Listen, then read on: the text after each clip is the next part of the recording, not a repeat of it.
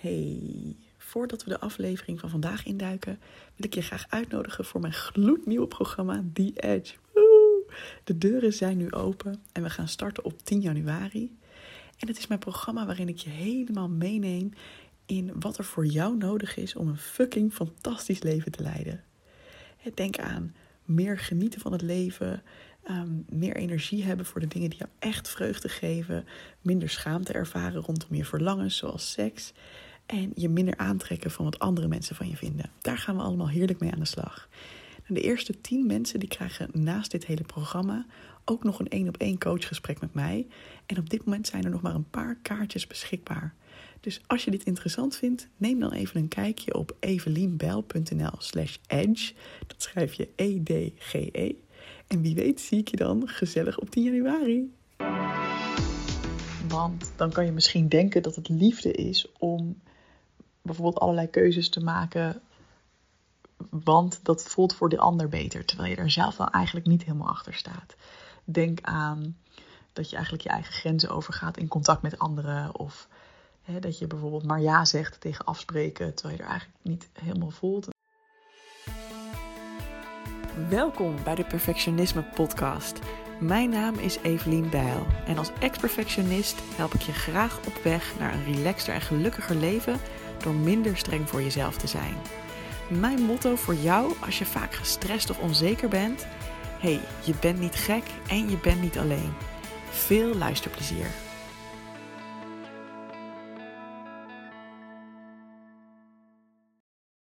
Wat fijn dat je naar deze nieuwe podcast luistert in het nieuwe jaar. Yay! Happy New Year! En um, dit is even een korte, want um, ik had gisteren een heel mooi moment. Een heel mooi ja, inzicht zou ik eigenlijk wel willen zeggen. Um, een hele lieve vriendin van mij had wat ervaringen van zichzelf op papier gezet. onder andere over twee bijna doodervaringen die zij heeft gehad van eentje. Nou, ik wist, ik wist wel van beide, maar dit was gewoon echt haar ervaring hoe dat haar leven heeft veranderd. En echt vanaf de eerste zin die ik begon te lezen, moest ik keihard janken.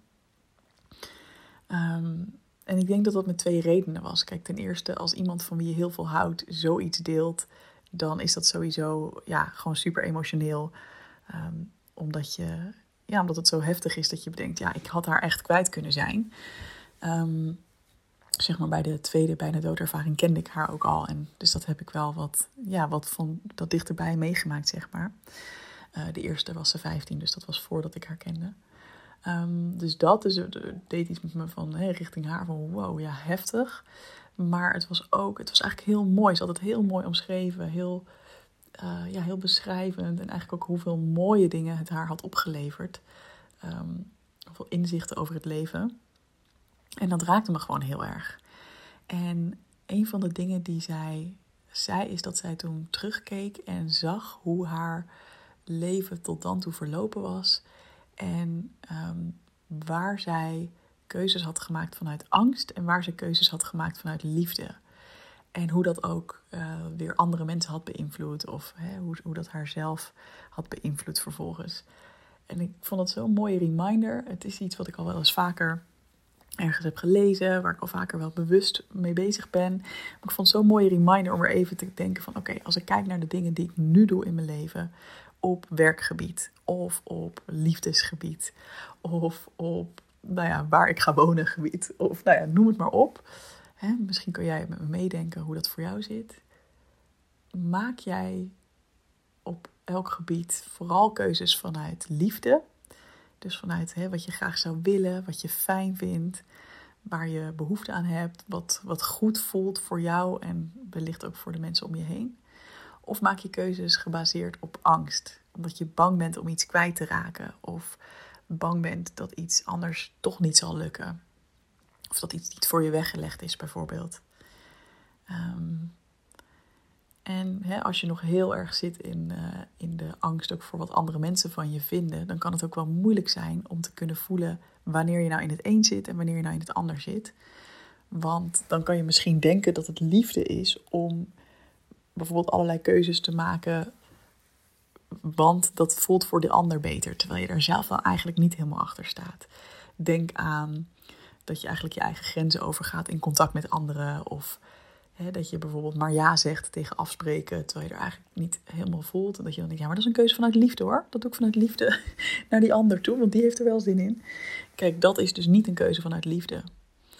Ehm, want als het vanuit liefde is, dan voelt het ook voor jezelf van binnen gewoon goed en rustig. En als je voelt dat er een conflict is tussen wat echt goed voelt en wat echt oké is voor jou op dit moment ehm, en wat je doet, dan is dat uh, ja, in mijn ervaring in ieder geval eigenlijk nooit een keuze vanuit liefde, maar altijd vanuit angst. Dat je eigenlijk bang bent wat die ander van jou zal vinden als je iets niet doet of als je iets anders aanpakt.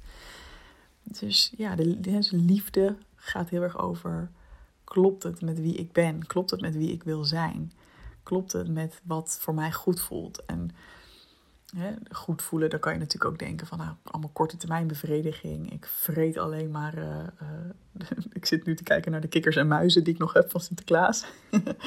ik vreet me helemaal lens, want dat voelt goed. Ja, voelt dat echt goed?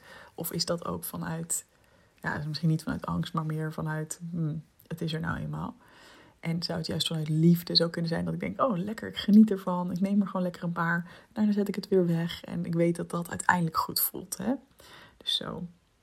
Nou, we zijn weer lekker alle kanten op aan het gaan hierin. Maar om maar te zeggen, um, het, denk even iets verder dan misschien het kortzichtige van ja, maar wat is dan liefde en wat is dan angst? Van binnen, als je echt goed naar jezelf luistert, dan weet je eigenlijk wel wat de keuze is vanuit liefde. Dan weet je eigenlijk wel wat de keuze is vanuit jouw verlangen en wat past in jouw leven en bij wie jij bent. En dan is dat, ook als mensen het niet altijd meteen begrijpen, toch ook de beste keuze voor anderen.